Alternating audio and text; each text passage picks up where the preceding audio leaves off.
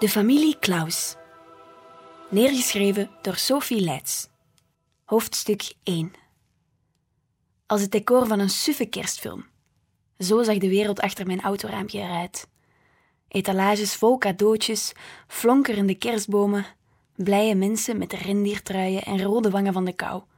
Een koor met kerstmutsen op en om het plaatje helemaal af te maken, een dikke laag sneeuw. Sneeuw is stom. Dat vond ik vroeger niet, maar nu dus wel. Vroeger bouwde ik sneeuwmannen met papa. Drie dikke bollen op elkaar, zo hoog dat hij mij op moest tillen om de wortel in zijn kop te duwen.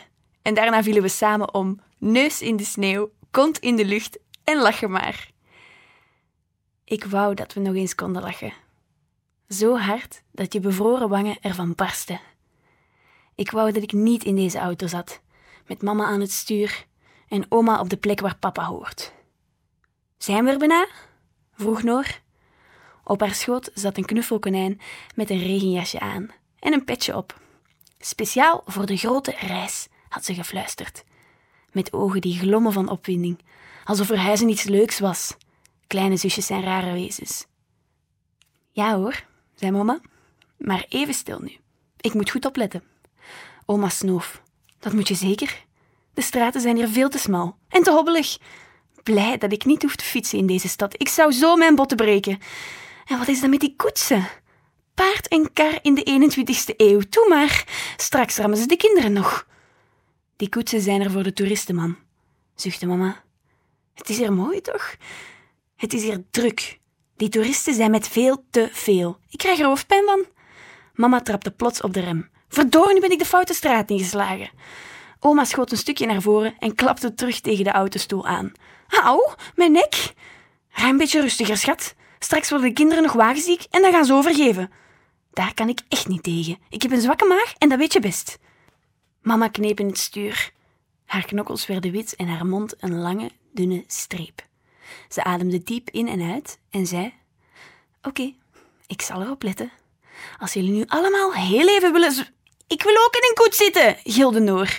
Ze duwde haar gezicht tegen het raam en zwaaide naar de koetsier. Net als Assepoester. En ik vind die hobbel-bobbelstenen in de straat wel leuk. En ik, Noortje. Mama's ogen schoten vol vuur in de achteruitkijkspiegel. Wat heb ik net gevraagd? Noor liet zich terug in de stoel zakken en keek nors voor zich uit. Zo bleven we tien seconden zitten, tot ik me naar haar toe boog en fluisterde. Weet je hoe ze heten? Die hobbel-bobbelstenen? Mijn zusjes gezicht klaarde op. Ze keek me nieuwsgierig aan en schudde van nee. Ik weet het niet, fluisterde zo stil als ze kon. Hoe dan? Kinderkopjes, grijnsde ik. Kijk maar eens goed naar die vorm en dan snap je waarom. Het lijken wel babyschedels.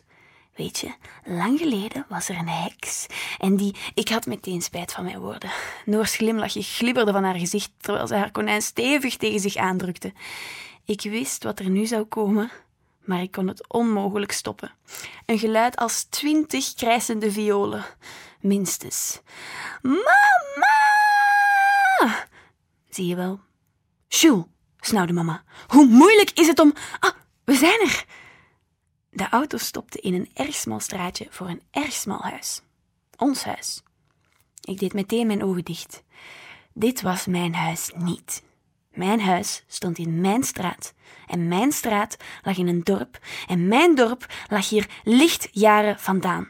Op een plek waar mama, papa, Noor en ik nog samen waren. Bam. Mama's autoportier klapte dicht. Bam. Oma. Bam. Noor. Eén voor één stapten ze de auto uit. Ons nieuw leven in. Alsof dat zomaar kon. Ik kneep mijn ogen nog harder dicht en duwde mijn gezicht in de rugzak op mijn schoot en snof de geur op. De geur van thuis. Aan de andere kant van het raam klonken de stemmen van mama en oma gedempt, alsof er een laagje sneeuw over lag. Dankjewel dat ik je auto mocht gebruiken, zei mama. Die laatste restjes kregen we echt niet meer in de verhuiswagen gepropt. Wat vind je van het huis? Wat moet ik ervan vinden? zei oma zuur. Het maakt toch geen verschil. Ik vind het maar niks, die hele verhuizing. De kinderen weg, jij weg, de kat weg. Je had een hekel aan dat beest, mam. Je kreeg er niesbuien van, toch? En jeuk, helse jeuk. Ik vond hem aardig en erg intelligent. Dat komt door de buitenlucht natuurlijk. Prima, zuivere dorpslucht. Goed voor de hersenen. Zelfs bij katten. Dat is hier wel anders. Straks krijgen Noor en Jules van die afschuwelijke astma-aanvallen. Alle stadskinderen hebben astma-aanvallen. Je overdrijft. We gaan niet in Shanghai wonen. Je hebt gewoon verdriet en dat snap ik best. Maar wij ook. Daarom moeten we een nieuw leven beginnen. Snap je? Het is nodig. Voor ons en ook voor Noël.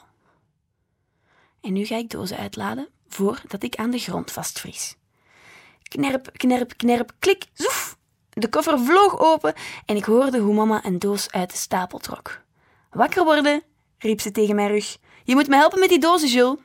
En daarna, een stuk zachter, en met oma. Ze draaide zich om en stapte met de doos op ons nieuwe huis af. Met oma in haar keelzog, die mopperde over de sneeuw. Kettingbotsingen en everzwijnen op de weg. Blijf dan logeren als je niet durft terug te rijden, zei mama. Oma's antwoord verdween samen met haar het huis in, en toen was het eindelijk stil. Tot Noor mijn deur opentrok. Kijk, Jules, schreeuwde ze, terwijl ze met een natte sneeuwhand mijn mouw greep en me met één ruk de auto uitsleurde. Ik bedacht dat zesjarige zusjes vermomde monstertjes waren. Achter die onschuldige snoetjes schuilt de stem van een broelkikker en de kracht van een knijptang. En volgde haar wijzende vinger. Is het niet prachtig? Het huis aan de overkant was bedolven onder de kerstversiering. Flikkerende lichtjeslingers, een kerstboom op de stoep, een lelijke kerstman naast de deurbel en een rendier op het dak. Ik bekeek de hele handel en kreeg een knoop in mijn maag. Naast me stuiterde Noor op en neer. Mooi, hè? Ze klapte in haar handen en keek met grote ogen naar me op. Ik haat kerst, mompelde ik. Dat weet je toch? Ik draaide me om en stapte het huis in, waar ik nu al een hekel aan had.